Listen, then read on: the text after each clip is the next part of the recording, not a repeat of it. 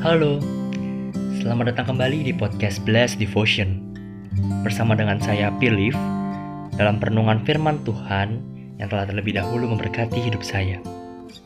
Saya berdoa agar di setiap perenungan-perenungan firman Tuhan Yang telah disampaikan di dalam podcast Blessed Devotion Termasuk perenungan firman Tuhan kali ini Dapat memberkati saudara-saudara yang mendengarkan podcast Blessed Devotion dalam perenungan kali ini saya ingin mengajak teman-teman semua untuk merenungkan sebuah kitab yang cukup terkenal di dalam dunia kekristenan. Kitab itu adalah kitab Yunus. Kisah Yunus akan kita renungkan bersama dengan saya dan saya akan bagi menjadi dua bagian. Di bagian yang pertama ini, dalam episode kali ini, kita akan membaca dan merenungkan Yunus pasal yang pertama dan pasal yang kedua. Yunus pasal yang pertama ayat 1 sampai dengan ayat yang ketiga berbunyi demikian. Datanglah firman Tuhan kepada Yunus bin Amitai, demikian. Bangunlah, pergilah ke Niniwe, kota yang besar itu, berserulah terhadap mereka karena kejahatannya telah sampai kepadaku. Tetapi Yunus bersiap untuk menarikan diri ke Tarsis, jauh dari hadapan Tuhan. Ia pergi ke Yafo dan mendapat di sana sebuah kapal yang akan berangkat ke Tarsis. Ia membayar biaya perjalanannya lalu naik ke kapal itu untuk berlayar bersama-sama dengan mereka ke Tarsis jauh dari hadapan Tuhan.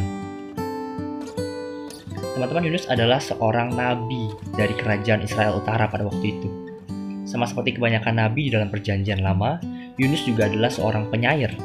Kitab Yunus sendiri ditulis dengan struktur dan gaya bahasa puisi dalam kebudayaan Israel. Juga sama seperti nabi-nabi lainnya, Yunus pun memiliki tugas yang diperintahkan Allah untuk segera dilakukan. Namun berbeda dengan kebanyakan nabi, Yunus justru menunjukkan sikap yang menolak perintah Allah.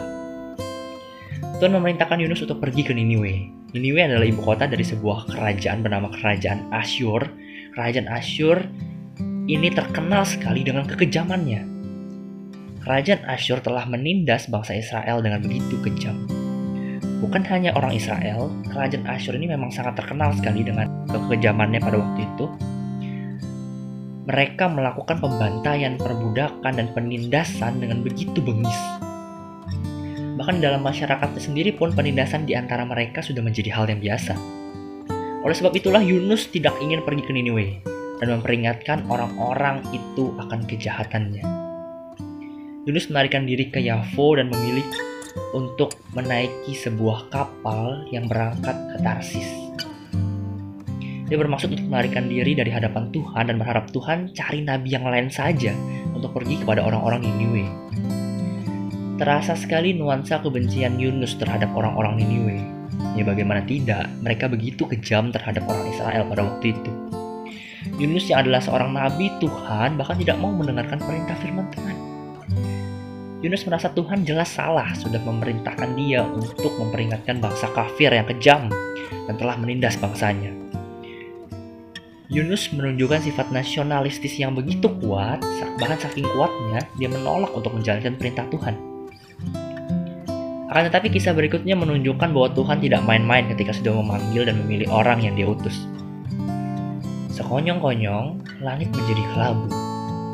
Gelombang laut bertambah tinggi, dan angin ribut yang hebat tiba-tiba menerpa kapal itu.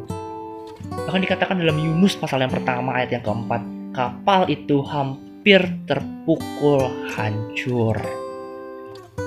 Bayangkan teman-teman, semua orang di kapal itu panik. Mereka berseru kepada Allah mereka, Yunus 1 ayat 5, dan membuang muatan kapal dan berharap cukup untuk mempertahankan kapal agar tetap mengapung di laut yang bergelora. Tapi di tengah-tengah kondisi yang kacau seperti itu, ternyata Yunus tidur dengan lelapnya di ruang kapal paling bawah. Kemungkinan pada waktu itu Yunus sudah diliputi perasaan lelah, sedih, kecewa, dan perasaan bersalah karena dia sedang lari dari Tuhannya. Sehingga ia memilih untuk tidur dan melupakan sejenak pelariannya dari Allah. Akhirnya, nahoda kapal datang mendapatkan Yunus dan berkata kepadanya dengan panik dan sedikit kesal karena di saat yang lain sedang ketakutan setengah mati, Yunus malah asik tertidur sendirian. Nakoda itu berkata kepada Yunus, Bangunlah, berserulah kepada Allahmu. Barangkali Allah itu akan mengindahkan kita sehingga tidak, sehingga kita tidak binasa. Yunus pasal pertama ayat yang ke-6. Yunus kemudian bangun sambil mengusap-usap mata dan memandang sang nakoda kapal. Teman-teman, kata bangunlah yang digunakan oleh nakoda kapal sama dengan kata bangunlah ketika Allah memerintahkan Yunus pergi ke Niniwe. Yunus sedikit terkejut mungkin kembali teringat perintah Tuhan dan mulai memahami kondisi sekitarnya yang kacau balau. Unik sekali bagaimana Yunus dikontraskan dengan orang-orang non-Yahudi yang ada di kapal itu, atau yang Yunus anggap kafir. Di saat mereka mengalami angin ribut yang mengancam nyawa mereka, mereka langsung menyadari angin itu bukan sebuah angin biasa. Itu adalah sebuah penghukuman dari keberadaan supranatural yang lebih tinggi dari mereka. Oleh sebab itu, mereka masing-masing berseru kepada Allahnya, meskipun mereka berseru kepada Allah yang salah. Di sisi yang lain, Yunus yang mengenal Allah yang benar dan merasa bangsanya lah satu-satunya bangsa pilihan yang uh, dipilih oleh Allah yang benar, malah tertidur di bagian kapal paling bawah. Kontras sekali, ada kualitas spiritual Yunus yang berbeda dengan orang-orang yang dianggap kafir. Mungkin Yunus belum benar-benar yakin bahwa badai itu disebabkan dirinya yang kabur dari perintah Tuhan. Bisa jadi dia berpikir, ah ini mungkin karena aku berada di tengah-tengah orang berdosa atau ini hanyalah badai biasa yang terjadi yang mungkin ter sering lah terjadi di laut. Mungkin ini yang dikatakan Yunus ketika dia pelan-pelan naik ke geladak kapal. Beranjak keluar sampai akhirnya dia melihat sendiri kengerian dari badai yang melanda kapal dari tumpanginya dan semuanya semakin jelas jika Allah berkenan menggunakan undian yang uh, mereka lakukan untuk mencari tahu siapa yang menyebabkan angin ribut itu. Dan ternyata Yunus. Yunus pun sadar dia telah berdosa karena kabur dari hadapan Tuhan. Saat itu Yunus dengan muka yang pucat pasi menjawab pertanyaan orang-orang di kapal itu. Siapa engkau? Dari mana engkau berasal? Yunus dengan gemetar menjawab di tengah-tengah badai. Angin yang kencang. Aku seorang Ibrani. Aku takut akan Tuhan Allah yang mempunyai langit yang telah menjadikan lautan dan daratan tetapi aku kabur dari hadapannya. Aku tidak mau melaksanakan perintahnya. Begitu mendengar cerita Yunus, ketakutanlah semua orang di kapal itu.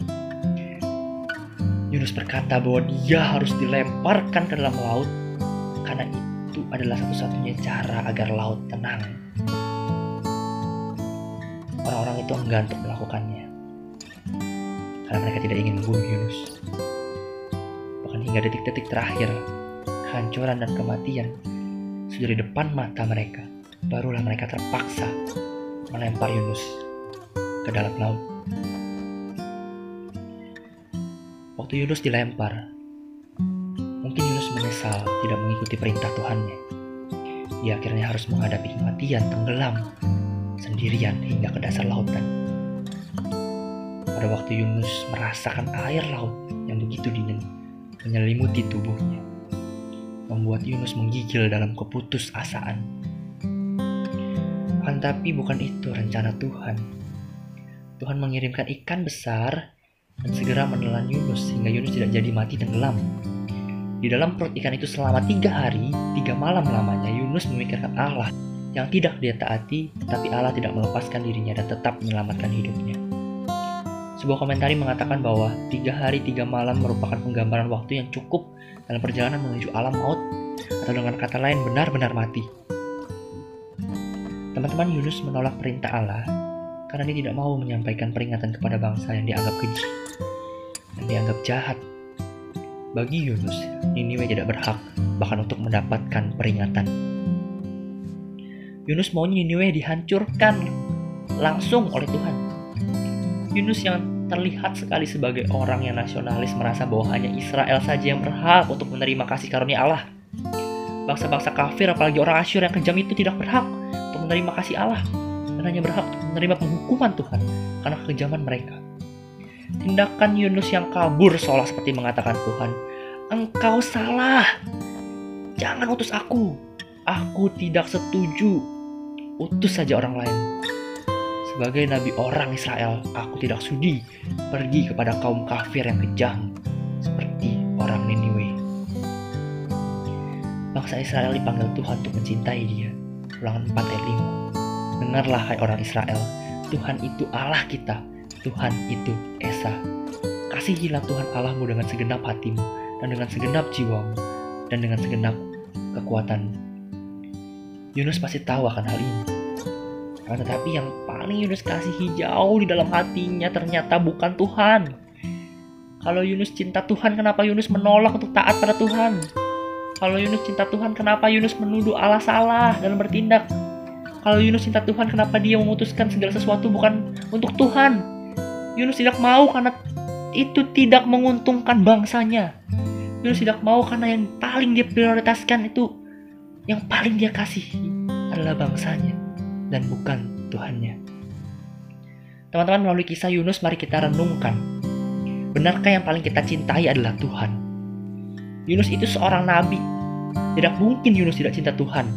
Ah, tetapi ternyata bagi Yunus yang bahkan seorang nabi bukan Tuhan yang paling dia cintai. Ada hal lain yang jauh lebih penting bagi Yunus daripada taat kepada Tuhan. Pada waktu Tuhan melakukan sesuatu yang baginya tidak sesuai dengan Tuhan yang dia cintai, Yunus memberontak dan kabur dari hadapan Allah. Teman-teman, benarkah? Benarkah kita sungguh-sungguh mengasihi Tuhan? Coba kita selidiki lagi ke dalam hati kita yang paling dalam. Adakah Tuhan di situ? Coba kita selidiki lagi, kita lihat lagi tempat tertinggi di hati kita. Adakah Tuhan yang bertata di situ? Atau ternyata selama ini kita ikut Tuhan karena motivasi tertentu.